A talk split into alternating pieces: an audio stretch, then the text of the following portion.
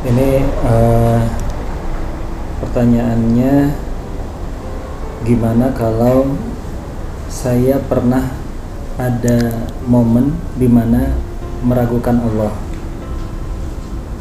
dan kembali meyakininya ketika lebih mendalam ingin mencari tahu tentang Islam. Apakah dosa saya yang meragukan Allah di masa lalu dan apakah bisa dimaafkan?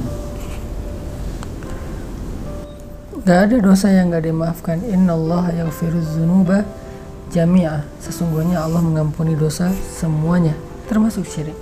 Syirik itu baru nggak dimaafin kalau seseorang meninggal dalam keadaan musyrik. Tapi kalau dia belum meninggal dan bertobat, mau syirik, mau meragukan Allah, mau dia durhaka ke Allah dengan menuduh Allah dengan tuduhan-tuduhan yang nggak benar, semuanya asal dia bilang astagfirullahalazim, Robbi, zalam tu nafsi faghfirli. Ya Allah, saya sudah menzalimi diri saya sendiri. Maafinlah saya, ampunilah dosa saya. Allah ghafurun eh, rahim. Allah Maha Pengampun lagi Maha Penyayang. Pak itu dalilnya bahwa Allah pasti maafin. Allah ghafurur rahim. Maha Pengampun lagi Maha Penyayang. Gak ada yang gak dimaafin.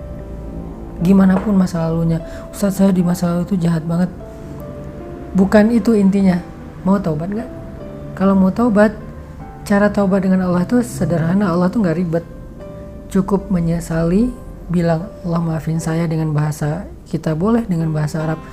Rabbi zalam tu nafsi faghfirli boleh atau Rabbi firli wali walidayya boleh apa pun yang kita hafal Allah hapuskan segampang itu Ustaz segampang itu terus kalau kita ulangin itu masalahnya masalahnya itu bukan di Allah masalahnya di kita kita benar nggak mau taubat kalau kita benar mau taubat kita bikin dosa sekian puluh tahun lalu kita mengatakan astagfirullah sekali aja maka puluhan tahun dosa kita itu semuanya dihapus sama Allah masalahnya kita kadang-kadang mengatakan astagfirullah dengan uh, hati yang belum mantap.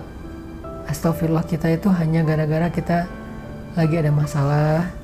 Astagfirullah kita itu hanya sepintas aja, terus nggak di, dilanjutin dalam amal-amal soleh. Akhirnya taubat kita belum nasuha, belum sempurna.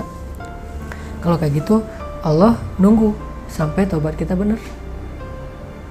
Astagfirullahaladzim udah Allah hapuskan diulangi lagi ya Allah, Allah ya udah Allah tunggu sampai kita benar-benar ninggalin dosa itu nggak ngulangin lagi dan meninggal dalam keadaan sudah meninggalkan dosa tersebut itu kan dilihat akhirnya ya makanya kalau kita belum belum berhasil coba lagi aja.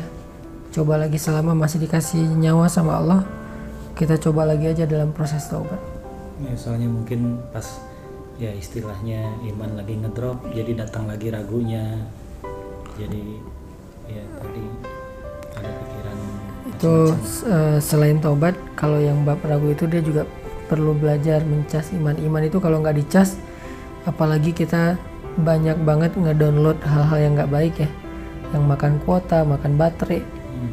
makan pulsa pulsa iman jadi harus sering-sering dicas ngecasnya Salah satu cara mencas iman yang paling sederhana itu adalah mendengar nasihat dari orang soleh.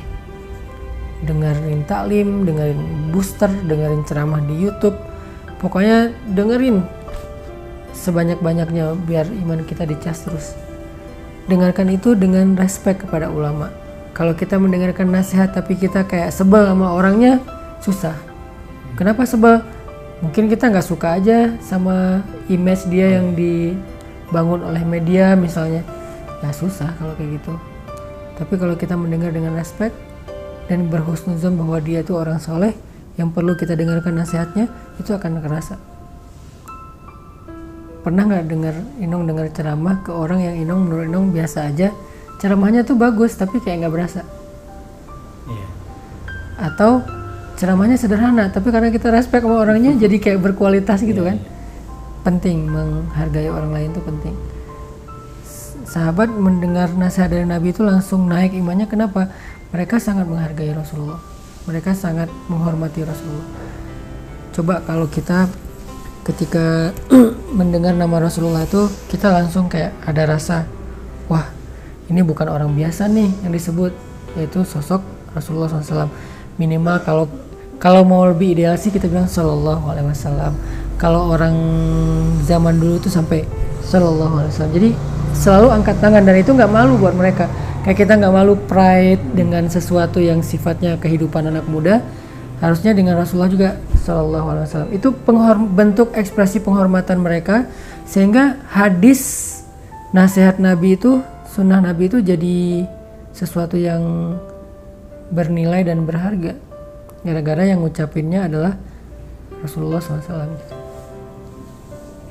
jadi balik lagi ke yang tadi tetap dimaafkan ya pasti dimaafin. Allah sendiri yang berjanji yaghfiruz dzunuba jami'ah Allah mengampuni semua dosa. Sehingga Allah katakan la taqnatu min rahmatillah. Jangan berputus asa dari rahmat Allah. Maksud berputus asa di sini berputus asa minta ampun berputus asa untuk taubat berburuk sangka seolah-olah dosanya udah nggak keampunin lagi itu namanya berputus asa. La taknatu jangan berputus asa